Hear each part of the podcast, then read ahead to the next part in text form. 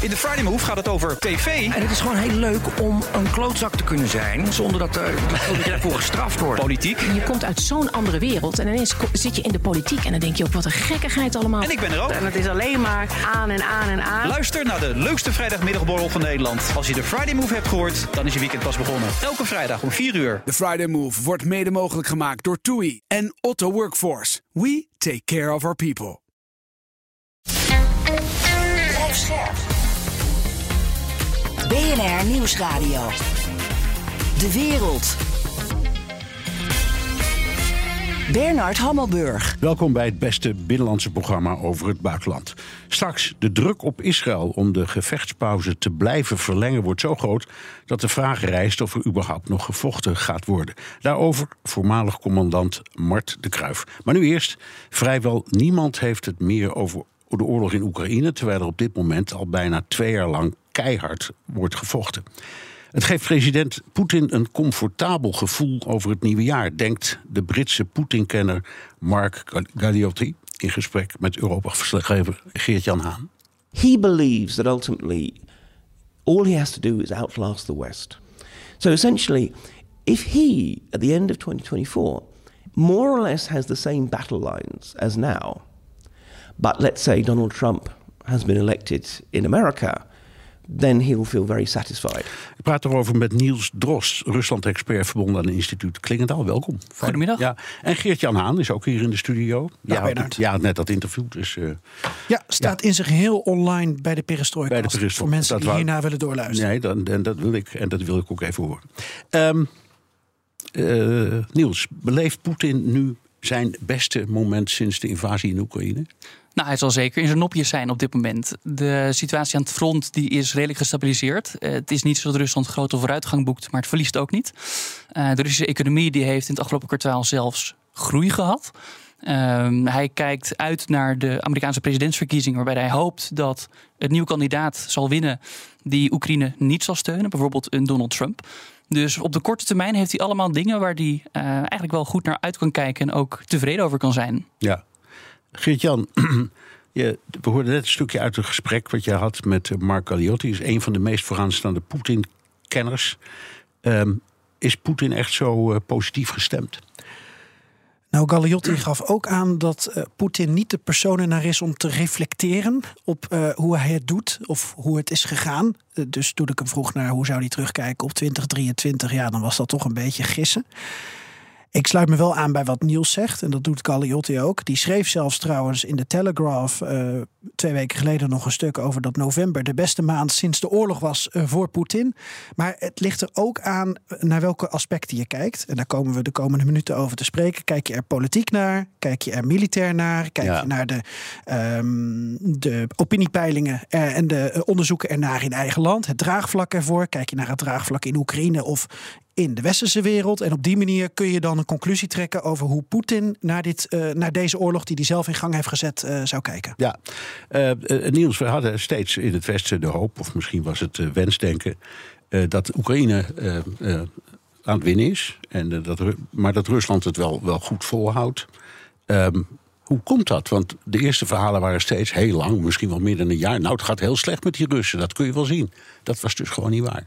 Nou, als je onder de motorkap gaat kijken van Rusland, dan zijn er wel degelijk een aantal dingen die, die zorgwekkend zijn voor Rusland zelf. Dus de Russische economie doet het op dit moment heel goed, maar dat komt volledig omdat er heel veel geld gepompt wordt in de oorlogseconomie.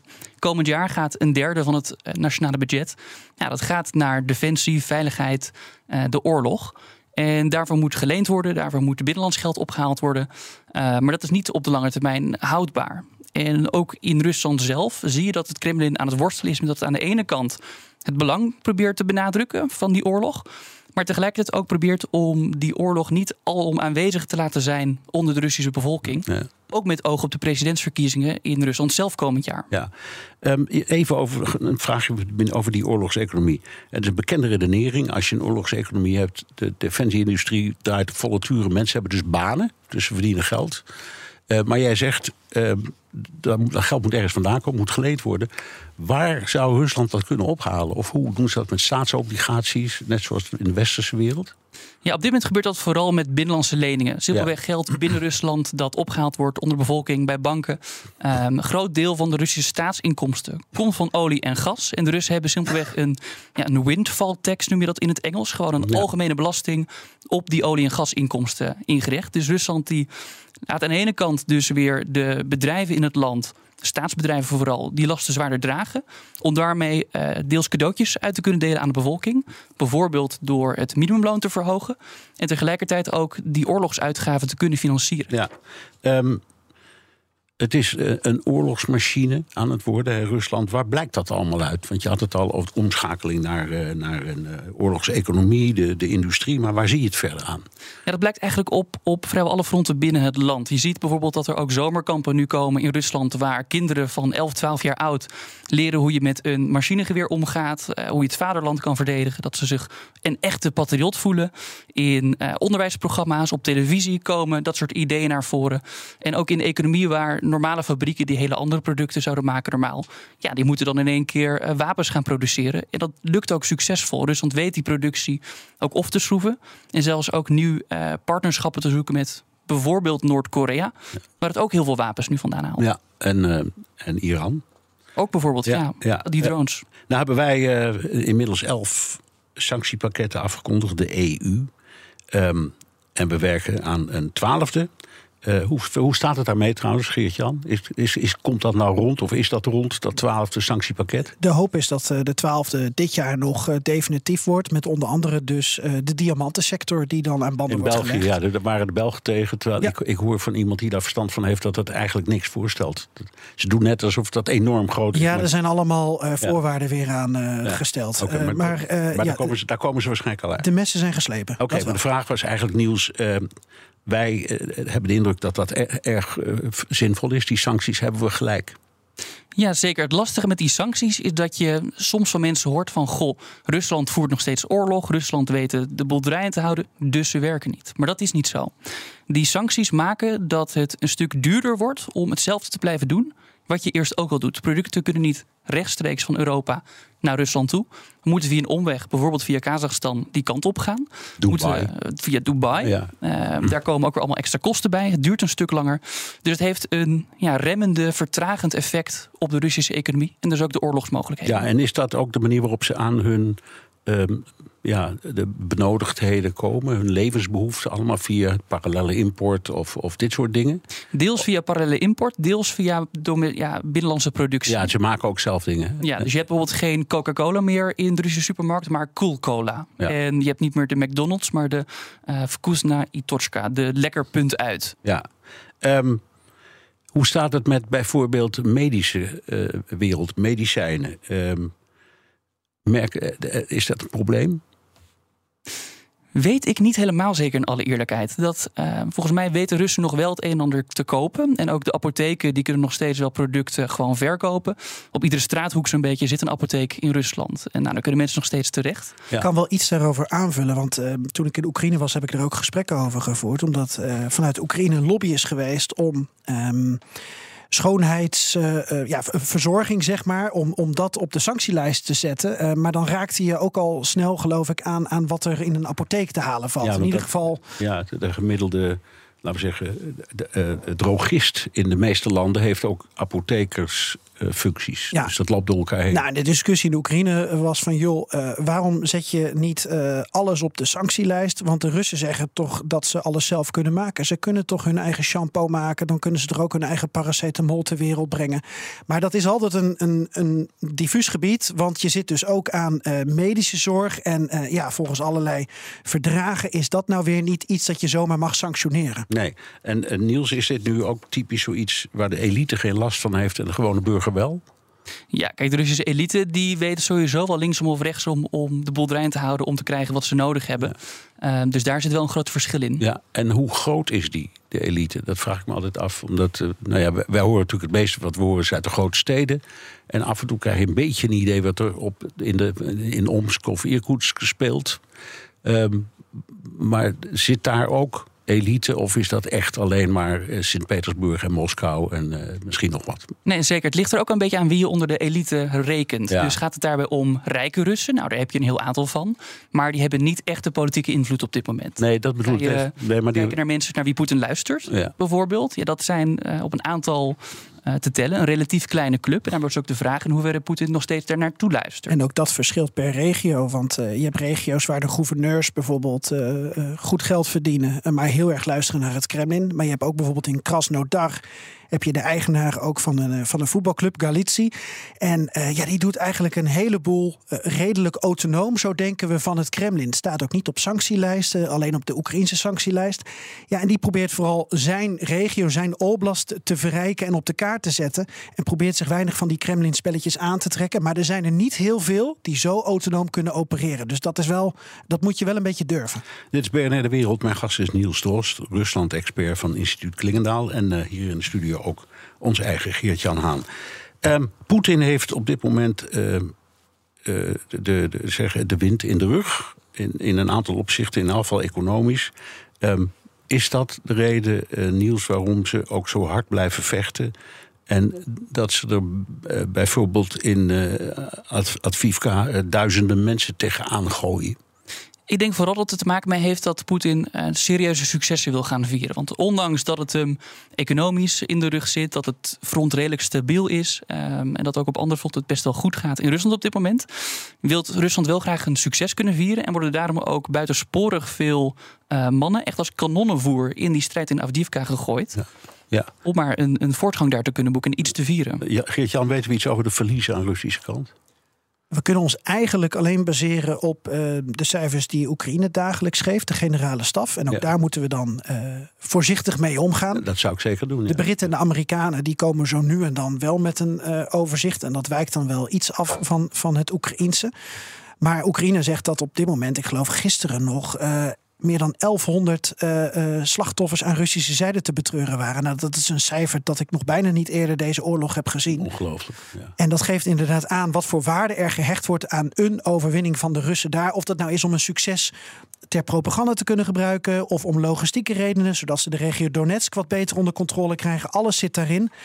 Maar ik denk ook, ehm ter aanvulling op Niels, dat alles wat wij hier bespreken, niks is eigenlijk zwart-wit.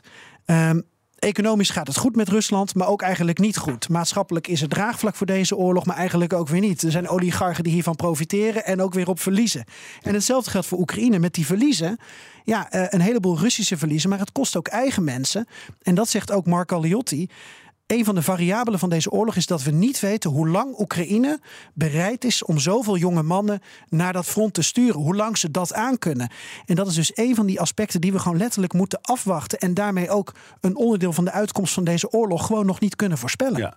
Eh, Niels, je bent afgestudeerd op de speeches van eh, Poetin. Je hebt er in totaal, als ik het goed begrijp, 500 gelezen. Dat is een hoop. Bestudeerd. Wat een leuk leven heb je dan. Meer Ja, dan goed is nou voor ja. een mens, kan ik verklappen. Ja, eh, eh, het begin van de oorlog hoorden wij heel veel over denazificeren van Oekraïne. Wat is nu het verhaal dat Poetin vertelt?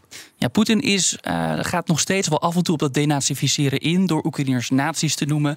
Eh, afgelopen week nog noemde hij eh, de officiële ideologie van het Westen dat dat nazisme en Russofobie zou zijn. Maar Poetin zit nu inmiddels veel meer op het verhaal dat dit een heilige oorlog is die Rusland aan het voeren is. Het Westen is door en door En gebruikt hij dan ook het woord oorlog? af en toe dus wel. Dat is het grappige. Laatst heeft hij letterlijk het woord oorlog genoemd. En toen hebben de kranten en andere Russische media hebben ze dat geciteerd met tussen haakjes. Ja, Poetin zei dit echt. Ja, ja. Omdat ze anders problemen ermee krijgen. Want bij wet is het verboden om dat te doen. Ja. Ehm, volgend jaar eh, heb je een vette kans dat president Trump eh, aan de macht is. En misschien hebben we hier in Nederland dan eh, premier Wilders. Ehm, en eh, dat heeft kan voor Oekraïne gevolgen hebben, want dat zijn eh, beide leiders. En zo zijn er meer die niet zo eh, geporteerd zijn van hulp aan Oekraïne. Ehm, kan Poetin dan niet gewoon even rustig afwachten? Is dat niet het beste? Want, Ja. want de wind staat wat dat betreft ook in zijn rug. Dit is dus precies ook de strategie van Poetin. Hij gaat ervan uit dat aan de westerse zijde die steun in elkaar zal storten. Dat uh, het Westen dit niet vol gaat houden. En zolang Poetin het maar wel volhoudt, in ieder geval in die strijd blijft zitten en blijft opschalen erbinnen, dat het dan voor hem goed zal komen. Uh, maar de vraag is of dat dus ook echt gaat uitkomen of niet. En als dat niet gebeurt, ja, dan hebben de Russen een probleem. Uh, omdat namelijk ook op Rusland dat qua demografie een beslag legt op de bevolking, op de economie, gaat dit op de lange termijn echt een slijtageslag worden. Is het maar heel erg de vraag of de Russen dit jarenlang vol kunnen gaan houden. Ja. Dus dit is echt een gok uh, en een, een pokerspel ja, dat Poetin speelt. Sluit aan op wat uh, Mark Galliotti ook ziet: een limiet van Rusland aan uh, de, het huidige economische beleid. In the coming year, they'll continue to outproduce the West in terms of ammunition. Their economy is, look, is not in too bad a shape, quite frankly. The point is, though, can this be sustained? And I think that's where the real problem is. You know, it has this huge amount of money being devoted to the military in this coming year. But if you dig a bit deeper and you look at the planning assumptions, it's very clear that the finance ministry is working on the assumption that in 2024 it will be able to dramatically cut back the defense budget again. So in some ways they're gambling. Is dat uh, een reden waarom Rusland nu vol door blijft gaan? Ja, dat denk ik wel. Uh, all in zou je ook bijna kunnen zeggen. Financieel in ieder geval kijken waar het schip strandt. Met als doel, uh, als je nu alles er tegenaan gooit, ook financieel, om uh, politieke uh, winsten uiteindelijk te kunnen behalen. Nou, en deels gebeurt dat ook door afwachten. Maar ook om, om, om de militaire status quo op zijn minst te behouden. Misschien ergens nog een overwinningje te boeken. Dus op de korte termijn zoveel mogelijk eraan doen.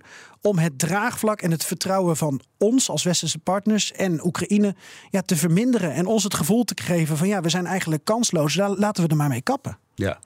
Um dat zou betekenen dat Poetin misschien juist in 2024 een slag moet slaan in Oekraïne. Um, en kan juist het Westen een beetje aankijken. Ja, dat denkt Galliotti dus eigenlijk ook. Ga maar door. There are people who are much, much more steeped in the details of the military preparations that Ukraine is carrying out, who are saying that in fact Ukraine's best strategy is to treat 2024 as a building year, as the year precisely to prepare. I think we, we in the West have to recognize that however hard it is to think in these terms, we are in this for the long haul we have to be thinking in terms of not just 2024, but 2025. Niels, durft Zelensky die gok te nemen?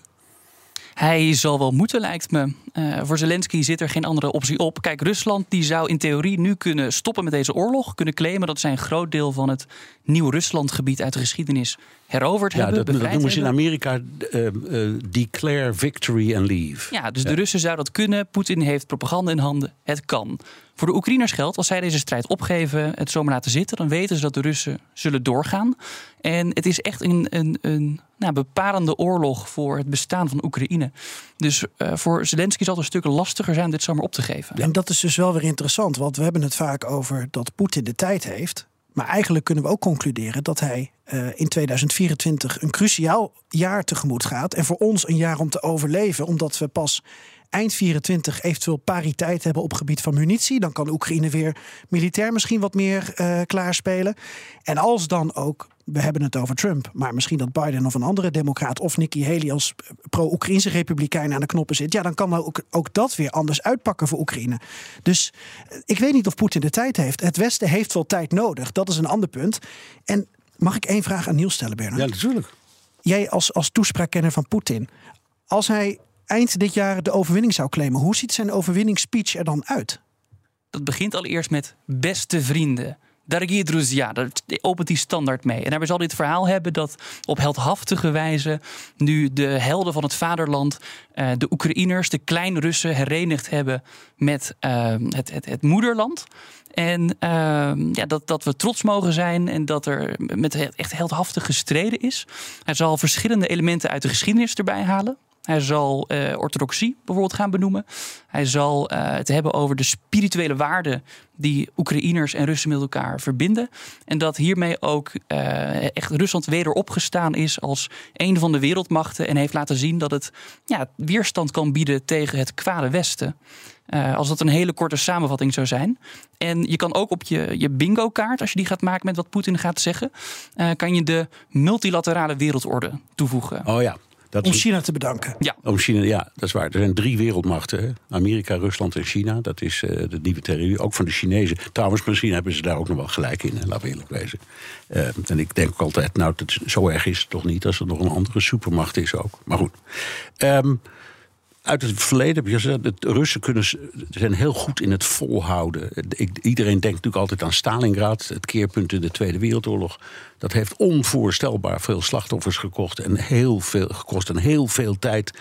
Eh, aan de andere kant heb je de ramp in Afghanistan, waar ze negen of tien jaar hebben gezeten en uiteindelijk hebben verloren. Eh, maar hoe dan ook, dat zijn allemaal ehm, hele. Die dingen duren allemaal zo lang dat de vraag is of het Westen het geduld heeft en ook de politieke wil om zo lang vol te houden. Ja, absoluut. En ook er tegelijkertijd de vraag: eh, kan Rusland het dus zo lang volhouden? Eh, dus ook juist omdat Rusland op verschillende manieren onder druk staat. En ehm, laat ik het op een andere manier zeggen: Rusland is zo stabiel. Eh, als dat het is op het moment. En kan het ook volledig erin veranderen op een bepaald moment. En die muiterij van Prigozhin was daar een heel goed voorbeeld in. Dat, dat is niet iets wat mensen per se zagen aankomen. Er was ook grote onzekerheid over hoe dat verder zou gaan uitpakken. Ehm, de val van de Sovjet-Unie die kwam nou niet per se uit de lucht vallen, maar heel veel mensen zagen dat absoluut niet aankomen. En dat was ook zo'n ontwikkeling die in één keer plaatsvond. Dus ja, Rusland is ook heel stabiel, totdat dat in één keer niet meer is. En verschillende Nee, ik signalen denk, ik denk aan ook meteen destijds aan de opstand tegen Gorbachev. Dat kwam ook zo boem. En dat heeft dan Yeltsin net weer onderdrukt. Kan altijd zo weer gebeuren, zoiets. Ja, heel snel aan jullie, want we hebben nog maar eh, 55 seconden. Geert-Jan, ehm, is het mogelijk dat er op een bepaald moment toch een soort opstand komt tegen Poetin? Nou, de eh, peilingen en enquêtes in eigen land eh, eh, wijzen dat op dit moment zeker niet uit. Die- Nee. Die, die hebben het hooguit over onverschilligheid. Daar spreken ze niet van oorlogsmoeheid, maar van onverschilligheid. Dus eh, Poetin stuurt misschien aan op vrede, maar doet dat eh, vanuit het oogpunt dat zijn existentiële oorlog tegen het Westen niet echt is gelukt en dat dit het maximaal haalbare is. Niels. Sta ik me volledig bij aan. We hebben Klina ook een, een onderzoek gedaan naar waar zo'n verandering vandaan zou komen binnen Rusland. Niet de bevolking. Het is een harde politiestaat en mensen zijn enorm apolitiek. Dus dat zal eh, in ieder geval niet vanuit een normale opstand komen. alle Nee, waar vandaan dan wel? Ja, als je het ergens vandaan zou moeten verwachten, dan zou dat toch eerder de elite zijn. Ja. Dat eh, op een moment de Russische elite bij elkaar komt, misschien zelfs op een dacha, Ja. en besluit dat het niet in hun moment ja, is. Ja, maar ik denk, is echt ik, ik denk dan in tijd die ik niet meer heb. Maar dat gold voor Lenin ook. Want dat was eigenlijk ook maar een heel klein clubje. Met die Russische revolutie. Oké, heren, hartelijk dank. Niels Drost, Rusland-expert bij instituut Klingendaal. En dank aan Europa-verslaggever Geert-Jan Haan. Het hele gesprek met eh, Mark Galliotti vind je dus terug in de BNR Perestrooikast. BNR Nieuwsradio. De wereld. Bernard Hammelburg. Kunnen Israël en Hamas na een week gevechtspauze de oorlog nog wel hervatten? Of is de internationale druk om een wapenstilstand te sluiten zo groot dat ze geen keuze hebben? Wat Amerika betreft gaat de gevechtspauze zo lang mogelijk door, zegt minister Blinken van Buitenlandse Zaken. We'll be focused on making, uh, doing what we can to extend the pause so that we can continue to get more hostages out and more humanitarian assistance in. We'll discuss with Israel how it can achieve its objective of ensuring that the terrorist attacks of October 7th never happen again, while sustaining and increasing humanitarian assistance and minimizing further suffering. Ik praat erover met Marten Kruijf, voormalig commandant der landstrijdkrachten. Welkom, goedemiddag. Ja, goedemiddag. Ja. Eh, laten we even beginnen met eh eh, puur militaire vraag. Als je militair naar kijkt, dan voordat die gevechtspauze inging, hadden de Israëliërs een deel van Gaza-stad in handen. Ze hadden een hoop tunnels gevonden, commandoposten, lanceerinrichtingen, dat soort dingen. Wat had op Israël tot op dat moment militair bereikt? Dat is natuurlijk moeilijk in te schatten. ehm, maar eh, het eh, vermoeden is dat ze nog steeds het initiatief hadden. Dus dat Hamas moest reageren op wat Israël deed. En dat de doelstelling waarschijnlijk is om het militaire vermogen van Hamas eh, de komende jaren zodanig te verminderen dat het geen reële dreiging meer zou vormen. Dus dan moet je denken inderdaad aan het opblazen van de tunnels, commandocentrales, logistieke hubs waar raketten lagen. Eh, dus dat is wat ze proberen te doen in het noorden van Gaza. Komende jaren meer rust in eh, Zuid-Israël. Ja, ja, en heb je enig idee hoe ver ze daarmee waren? Ontzettend moeilijk in te schatten. Er is heel intensief gevochten, dat weten we wel. Halverwege de campagne zeiden de Israëli's al dat ze meer dan 50 doden hadden. En ook blue on blue. Dat is dat eigen troepen sneuvelen door eigen vuur. Dat laat zien hoe ontzettend moeilijk en intensief dat soort gevechten zijn. Ja. Maar we zien ook dat Israël niet massaal Gaza is binnengevallen... maar een soort hybride vorm heeft gevonden van het isoleren van Gaza... gerichte aanvallen op de grond in combinatie met aanvallen vanuit de lucht. Dus ze zijn wel met enige voorzichtigheid Gazastad ingegaan. Ja, Israël zei en zegt nog steeds dat het de oorlog eigenlijk wil voortzetten. Eh, ze verwoorden het alleen nu wat anders. Niet meer Hamas uitroeien. Dat was misschien ook in hun razernij na die aanval zo geformuleerd. Maar wel onschadelijk maken. Is dat mogelijk? Nou, je kunt niet de geest uit iemand wegbombarderen. Dat lukt je nooit. Dus je zult nooit Hamas kunnen vernietigen. Je kunt misschien wel fysieke middelen van Hamas vernietigen... maar niet de breed gedragen wil onder de bevolking... om de staat Israël niet noord van je te hebben. Wat je wel kunt doen, is fysiek Hamas aanpakken. Dus dan praat je weer over zijn voorraden, uh, zijn centrales... maar ook het leiderschap. Dat hebben ze ook gericht aangepakt. Hè. Het leiderschap van Hamas is ook bewust onderdeel geweest van deze campagne om die proberen te vinden. Ja. Uh, vriend en vijand zijn het erover eens dat Hamas een heel effectieve strategie heeft. Eerst die uh, gruwelijke aanval op 7 oktober. Uh, in de verwachting, zo begrijp ik, dat Israël dan grootschalig zou terugslaan, gevolgd door een wereldwijde golf van sympathie voor de Palestijnen. Kun je zeggen dat ze in dat opzicht geslaagd zijn? Nou, in dat opzicht wel. Maar de vraag is of het succes van 7 oktober wel zo verwacht was. Of dat, het, of dat dat succes ook een soort samenloop van omstandigheden is van een goed geplande en geheim gehouden operatie. Met een falen aan de Israëlische kant op inlichtingsgebied, zowel strategisch, hè, politiek als ook militair. Ter ja. plekke. En daardoor werd het effect eigenlijk veel groter dan dat mezelf ooit had gedacht. Ze hadden nooit gedacht dat ze zo ver zou komen. Er stond gisteren, geloof ik, op de website van de, de BBC een, een heel uitgevoerig artikel over de voorbereidingen. Met foto's en al. Uh, ja. van Hamas. Zeer indrukwekkend. Dat was echt een enorme militaire trainingsoperatie. Het oefenen van het gevangen nemen van gijzelaars. Uh, alle mogelijke dingen. Die, dus het, ze zijn niet over één nacht ijs gegaan.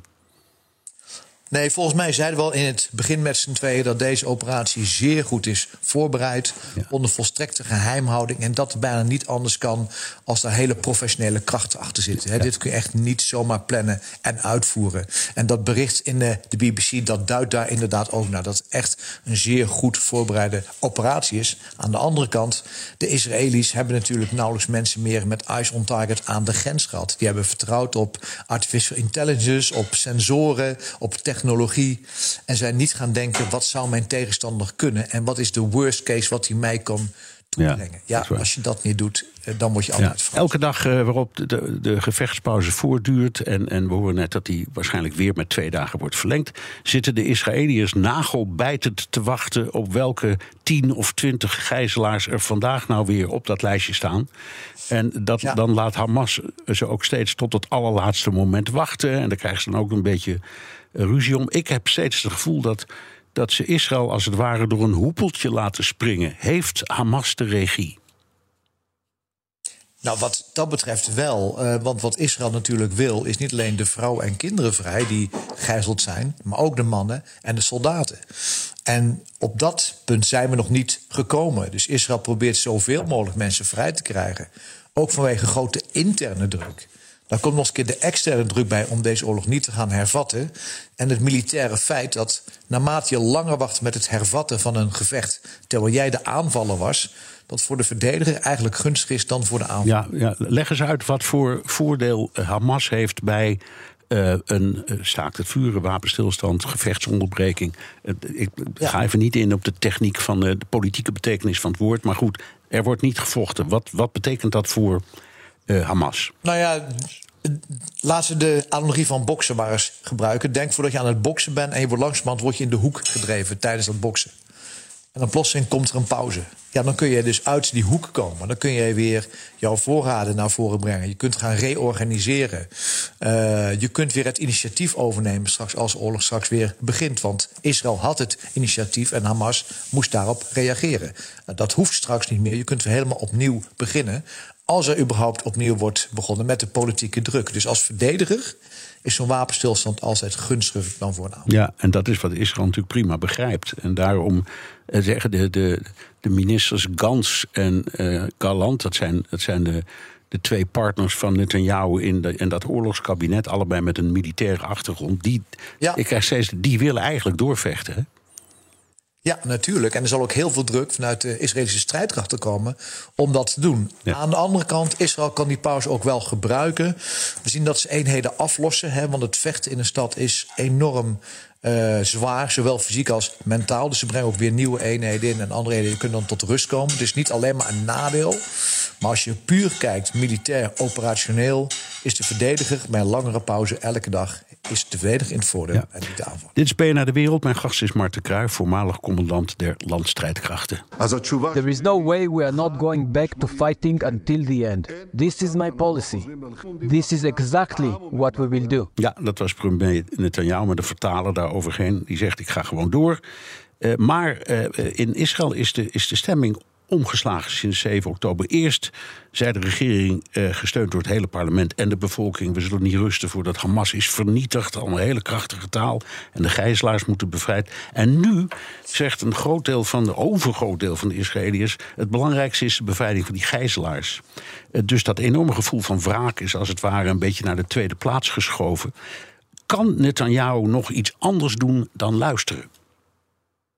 Ja, dat is een hele moeilijke, want we kennen natuurlijk het geval van de Israëlische soldaat...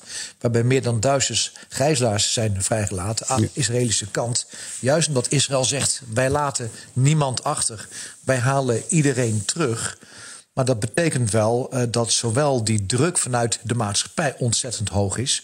als ook de prijs die Hamas gaat vragen voor de gijzelaars ontzettend hoog is. Dat is een dilemma waarmee deze regering moet zien aftrekken. Dat ja. is ontzettend moeilijk. En ik denk eigenlijk dat ze elke gijzelaar die vrijkomt... dat ze dat weer een uh, opluchting vinden. Maar de echte gijzelaars, dus de mannen en de soldaten... ja, die zijn nog niet of nauwelijks vrijgelaten. Ja, en nu is het ongeveer één, één, voor één op drie. Hè, dus één gijzelaar tegen drie uh, Palestijnse gevangenen... uit Israëlische gevangenissen er zijn er meer dan 6000 bij mijn weten van die gevangenen. Dus ja. ik zou me kunnen voorstellen dat Hamas gewoon, om het zo maar te zeggen, de prijs opdrijft. En zeggen we denken niet meer in tientallen, maar in honderden gevangenen tegelijk. Of zoiets. Ja, dat ben ik met je eens. En ja. zeker als het gaat of zelfs Israëlische onderofficieren of officieren die gegijzeld lijken te zijn. Ja, dan gaat de prijs zeker niet omlaag. En dat gaat een moeilijke fase van onderhandelingen worden. En het zou me niet verbazen als we dan nog wel tijdelijke militaire interventie. Ja. Um, de Amerikanen verloren in Vietnam van de Vietcong na 12 jaar en 58.000 gesneuvelde soldaten. In Afghanistan verloren de Russen na 9 jaar van de Mujahideen. De Amerikanen verloren er na 20 jaar van de Taliban. Is een oorlog tegen een terroristische guerrillabeweging te winnen? Nou, ontzettend moeilijk. En, en, en eigenlijk moet je zeggen: is er geen militaire oplossing voor dit conflict? He, als je kijkt naar Israël, dan zijn dat de Israëlische Defense Forces. Die kunnen Israël verdedigen. Zelfs tegen dreigingen vanuit de ruimte. Dus het voorbestaan van de staat Israël staat, als je niet praat over kernwapens, militair eigenlijk niet op de tocht. Maar hetzelfde geldt voor Hezbollah en voor Hamas. Die als doel hebben de vernietiging van de staat Israël. Dat gaat ook niet lukken. Ja. Dus we zijn eigenlijk zijn we aan het kijken naar iets wat ironisch is. Er wordt militair wordt er gevochten, maar iedereen weet uiteindelijk is hier alleen een politieke oplossing mogelijk. Ja, ik hoorde, ik hoorde net voor de uitzending van een bron met die, wie ik sprak dat er um, nu vandaag weer uh, drie raketten door Hezbollah waren afgevuurd. Uh, dat is niet heel veel, maar het, het, het, het, gebeurt toch. En die prikacties die gaan steeds maar door. Hoe groot acht jij de kans dat daar aan die noordgrens het ook misgaat? Die acht ik niet zo groot. Want als Hezbollah daar een open confrontatie aangaat met het Israëlische leger, zal ook de militaire macht van Hezbollah van gordel worden gebroken. Ja. Niet, Israël heeft 300.000 reservisten opgeroepen en die staan niet allemaal in de Gaza. die staan ook in het noorden.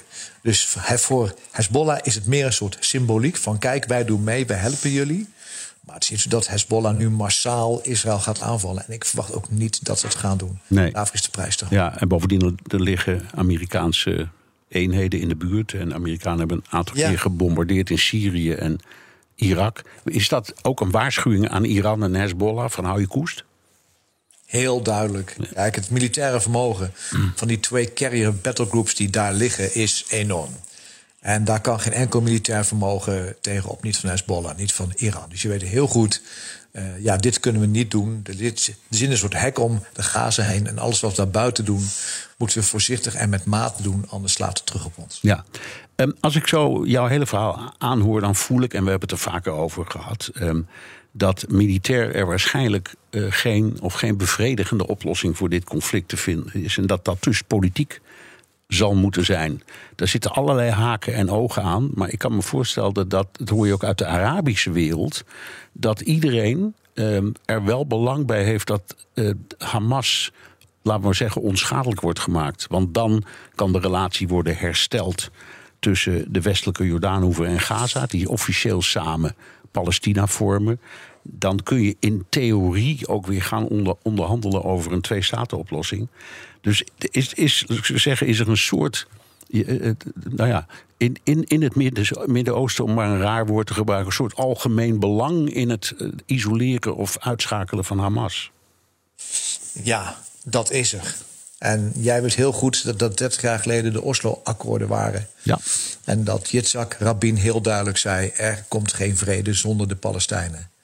En die situatie is nu niet veranderd. We zijn nu 30 jaar verder en in die snelkookpan zien we nu weer dat er wat gebeurt. Dat kan ons eigenlijk niet verbazen. Wel wat, wanneer en hoe, maar dat wat gebeurt, dat kan niet verbazen.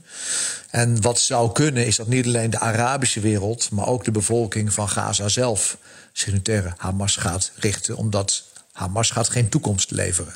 Ook niet aan de bevolking van Gaza. Ja. Dus het zou kunnen dat dat op termijn de panelen laat schuiven. En dat de Arabische wereld, het Midden-Oosten en grote landen als de VS toch tot een soort gezamenlijke strategie komen. om uiteindelijk eh, alle deelnemers daar te dwingen tot akkoord. Ja, maar je krijgt ook een praktisch probleem. Ten slotte, uh, we, uh, op het moment dat Israël. En Hamas of Gaza tot overeenstemming zouden komen over een staakt het vuren, dan neem ik aan dat de Israëlische troepen zich weer willen terugtrekken. Of ze moeten blijven, maar dan wordt het een nieuwe bezetting. Nou, dat wil niemand. Of ze moeten zich terugtrekken en dan heb je een vacuüm dat zo weer eh, wordt opgevuld. Dus hoe lossen we dat op? Wij, de wereld. Nou het interessante is, wat Blinken zei, is dat de Amerikanen zullen helpen met het voorkomen dat Hamas ooit weer zo'n aanval zou kunnen doen. Ja. dus dan moet je denken aan niet alleen de politieke inspanningen, maar ook militaire inspanningen om te zorgen dat je inderdaad niet meer vanuit Gaza eh, makkelijk Israël binnen zult komen. De dark horse is natuurlijk wel een beetje. Stel dat de macht van Hamas minder zou worden. Wat gebeurt er dan met Iran? Wat gebeurt er met Hezbollah? Dus daar moet je ook nog naar kijken. En dat maakt dit complex zo moeilijk. Elke tegel die je oplicht, daar ligt weer een probleem onder. Ja, en ik heb niet de indruk dat, ze, dat de Israëliërs laten we zeggen, over alles wat te maken heeft met exit-strategie heel diep hebben nagedacht. Hè? Het was een soort opwelling waarin ze zich in het avontuur hebben gestort. Nou ja, het is ook een verdeeldheid intern eigen land. Hè? Met de orthodoxen en de ultra-orthodoxen die hier echt anders over denken dan uh, ja. een groot deel van de rest van de bevolking. Dus als je geen eenheid hebt binnen de Palestijnse wereld, maar ook geen eenheid binnen de Israëlische wereld, ja. dan wordt een overeenkomst heel moeilijk. Lastig puzzeltje. Dank, Marten Kruijf, voormalig commandant der landstrijdkrachten. Postma in Amerika. Tijd voor het Amerikaanse nieuws door de ogen van onze correspondent in Washington, Jan Postma. Jan, eerst even stilstaan natuurlijk bij het overlijden van de Amerikaanse oud-diplomaat en politicus Henry Kissinger. 100 jaar geworden. Um, voor zover ik weet heeft hij tot zijn laatste snik elke dag uh, gewerkt. Heel apart. Hoe, ja, wordt, hoe, ja. wordt er, hoe wordt er gereageerd op zijn dood? Nou, eh, die, die foto van hem die staat echt groot op eh, de voorpagina's van alle grote kranten. Het is echt een belangrijk onderwerp, ook in de ochtendnieuwsshow hier. Uh, Kissinger is natuurlijk echt een historisch figuur. Iedereen kent hem. En overal wordt benadrukt hoe groot zijn rol is geweest in, in de vorige eeuw tijdens de Koude Oorlog. Maar ook wel met kritische noot natuurlijk. En, en dat zie je ook bijvoorbeeld heel mooi in de koppen van de kranten vanochtend. Ik pak er even een paar uit. De Wall Street Journal, diplomaat die de Koude Oorlog vorm gaf, overleden. Mooie zwart-wit foto van hoe hij in Parijs lachend de pers te woord staat tijdens de, de vredesonderhandelingen uh, voor Vietnam. Uh, hij was echt een soort superster diplomaat in Zeker, die tijd natuurlijk. Ja, ik mag, ik mag het tegen jou stiekem wel zeggen, maar ik was daarbij op dat ja. moment. Dus ik weet het nog, 1973, okay. ik weet het nog precies, met uh, Le Duc To deed hij dat samen. Nou, dan moeten we die foto op de Wall Street Journal nog even terugkijken of daar een jonge Bernard Hollenburg tussen staat. Ja, ja. hey, en en uh, New York Times heeft, heeft ook hem op de voorpagina natuurlijk. En daar staat bij een architect van de Koude Oorlog met een sterke wil. Uh, natuurlijk nationaal veiligheidsadviseur en minister van Buitenlandse Zaken onder Nixon. Uniek die twee functies gecombineerd. Minister onder Ford. alleen daardoor al, daardoor al een enorme invloed. En ja, in dat laatste zinnetje, die, die sterke wil, daar zit ook al een beetje het ongemak waarmee over hem gesproken wordt. En dat zie je ook bij de Washington Post. Die zeggen staatsman die een hoofdrol opeiste in wereldpolitiek met grote prijs. Ja. En dat is explicieter over die schaduwkant van Kissinger, over de controverse. De man die ook met keihard en nou ja, cynisch pragmatisme uh, voor het, het, bombarderen van Cambodja in de Vietnamoorlog uh, koos, bijvoorbeeld. Ja, en voor Pinochet. Ja, om maar ja, wat te precies. noemen. Ja, omstreden man. Nou, oké. Okay, um, het, het, het, was een, een, man die een stempel heeft gedrukt, ongetwijfeld op de, op de, ook op de moderne geschiedenis. Ja, gaan we even over naar uh, het nieuws in Amerika, Jan. Nikki Haley uh, is de kandidaat die het meest in het nieuws was deze week. Republikeins, vrouw. Um, ze, ziet, uh, ze krijgt enorme financiële steun. Leg even uit. Ja, ze, heeft de steun gekregen van, van de, nou, zeg maar de politieke machine van Charles Koch. En dat is een, een, een big deal echt. Want de, de, de Kochbroers, er is er inmiddels nog maar eentje. Dat, dat zijn miljardairs die, die enorm veel politieke invloed kopen. En die hebben 70 miljoen dollar in kas. En daar zit ook een hele infrastructuur van organisaties en vrijwilligers aan vast. En uh, uh, nou, die organisatie die staat nu dus achter Nikki Haley. Over die, die, die Kochbroers, daar zullen we het in de podcast ook nog wel wat meer hebben. Um, dit is het eerste spotje dat sindsdien naar buiten is gebracht door dat super pack van die Kochbroers. She'll turn our country around and bring back opportunity and optimism. America, our boldness in troubled times defines us. Nikki Haley is a bold leader. She'll deliver on her promises and restore the American dream. Ja, je hoort het, Trump is passé, we hebben nieuw bloed nodig. Dat is Nikki Haley. En uh, Nikki Haley doet het ook al een tijdje ietsje beter in de peilingen. Uh, dat wil zeggen wel op zeer grote afstand nog steeds van Trump, hè, de koploper. Maar Ron DeSantis, die ziet dat natuurlijk. Die, die was voorheen de duidelijke nummer twee achter Trump.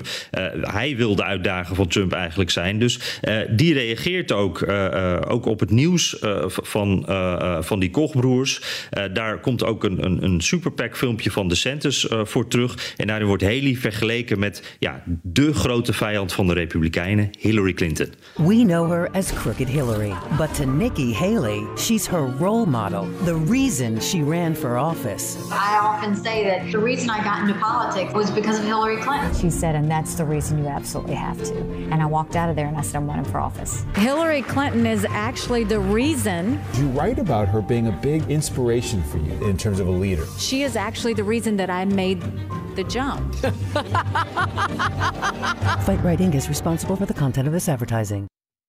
Ja, ze wordt dus echt uh, neergezet als, als vriend van uh, de, de, establishment. En daar past die endorsement van, van uh, die Koch-broers, van dat netwerk, dat past daar ook bij natuurlijk. Dus ja, die strijd tussen Haley en DeSantis, die gaat nu ook hierover. Vooral ze willen allebei best of the rest worden, de tegenkandidaat voor Trump. In de hoop dat ze dan, geholpen door een wondertje of, of misschien wel wat Trump-moeheid, dan alsnog het echt op kunnen nemen tegen Trump als zij de kandidaat zijn. of tenminste de, de tweede kandidaat zouden zijn uh, in die voorverkiezingen. Ja. Maar ja, op dit moment uh, is het vooral nog Trump wat de ja. klok slaat hoor. Heel snel nog even naar een andere superpack. Want die maken tegelijkertijd spotjes die positief zijn over Trump en spotjes die negatief zijn over Trump. Ja, dat is toch wel gek hoor. Dat is een groep die, die uh, oorspronkelijk vooral anti-Trump is. Uh, uh, Club for Growth heette die. En die hebben al miljoenen uitgegeven aan spotjes tegen Trump. deze bijvoorbeeld, waarin we een kiezer uit Iowa horen. eerste caucus state, hè, die vertelt dat Trump te veel met zichzelf en zijn vorige verlies bezig is. En dat het Trump schuld is dat de Republikeinen steeds verkiezingen verliezen. You've got the policies, you've got the man. I can take a man who isn't Trump. A man who, as I said, can be strong, can be tough. And in a way is not so polarizing himself, therefore electable. It's just time for new blood. Ja, uh, duidelijk uh, uh, wat ze hier zeggen. Maar diezelfde groep heeft dus ook een spotje. spotjes eigenlijk voor lokale kandidaten die ze steunen. Dat zijn congresleden, gouverneurs, dat soort kandidaten. En dat is ook in gebieden waar Trump heel populair is. Dus daar eindigen ze dan zo'n spotje juist met de tegenovergestelde boodschap. Deze kandidaat heeft de steun van Donald Trump. Stem dus op hem. En dat laat denk ik twee dingen zien: het opportunisme van campagne voeren. Maar ook hoe zelfs de grootste tegenstanders van Trump hem toch nodig hebben. Ze kunnen echt niet om Trump heen. Dankjewel, Jan Postma, correspondent in Washington. Wilt u meer horen over dit fascinerende land? Luister dan naar de Amerika-podcast van Jan en mij. En tot zover BNR De Wereld. Terugluisteren kan via de site, de app Spotify of Apple Podcast. Reageren kan via een mailtje naar dewereld.bnr.nl. Tot volgende week. Je hebt aardig wat vermogen opgebouwd. En daar zit je dan, met je ton op de bank. Wel een beetje saai, hè? Wil jij, als belegger, onderdeel zijn van het verleden of van de toekomst? Bridgefund is een slimme fintech die een brug slaat tussen de financiële behoeften van ondernemers en van beleggers. Dus wie belegt bij Bridgefund krijgt niet alleen een mooie vaste rente, maar brengt ook ondernemers in beweging. Echt waar, met die ton kan je zoveel betere dingen doen. Bridgefund. Make money smile.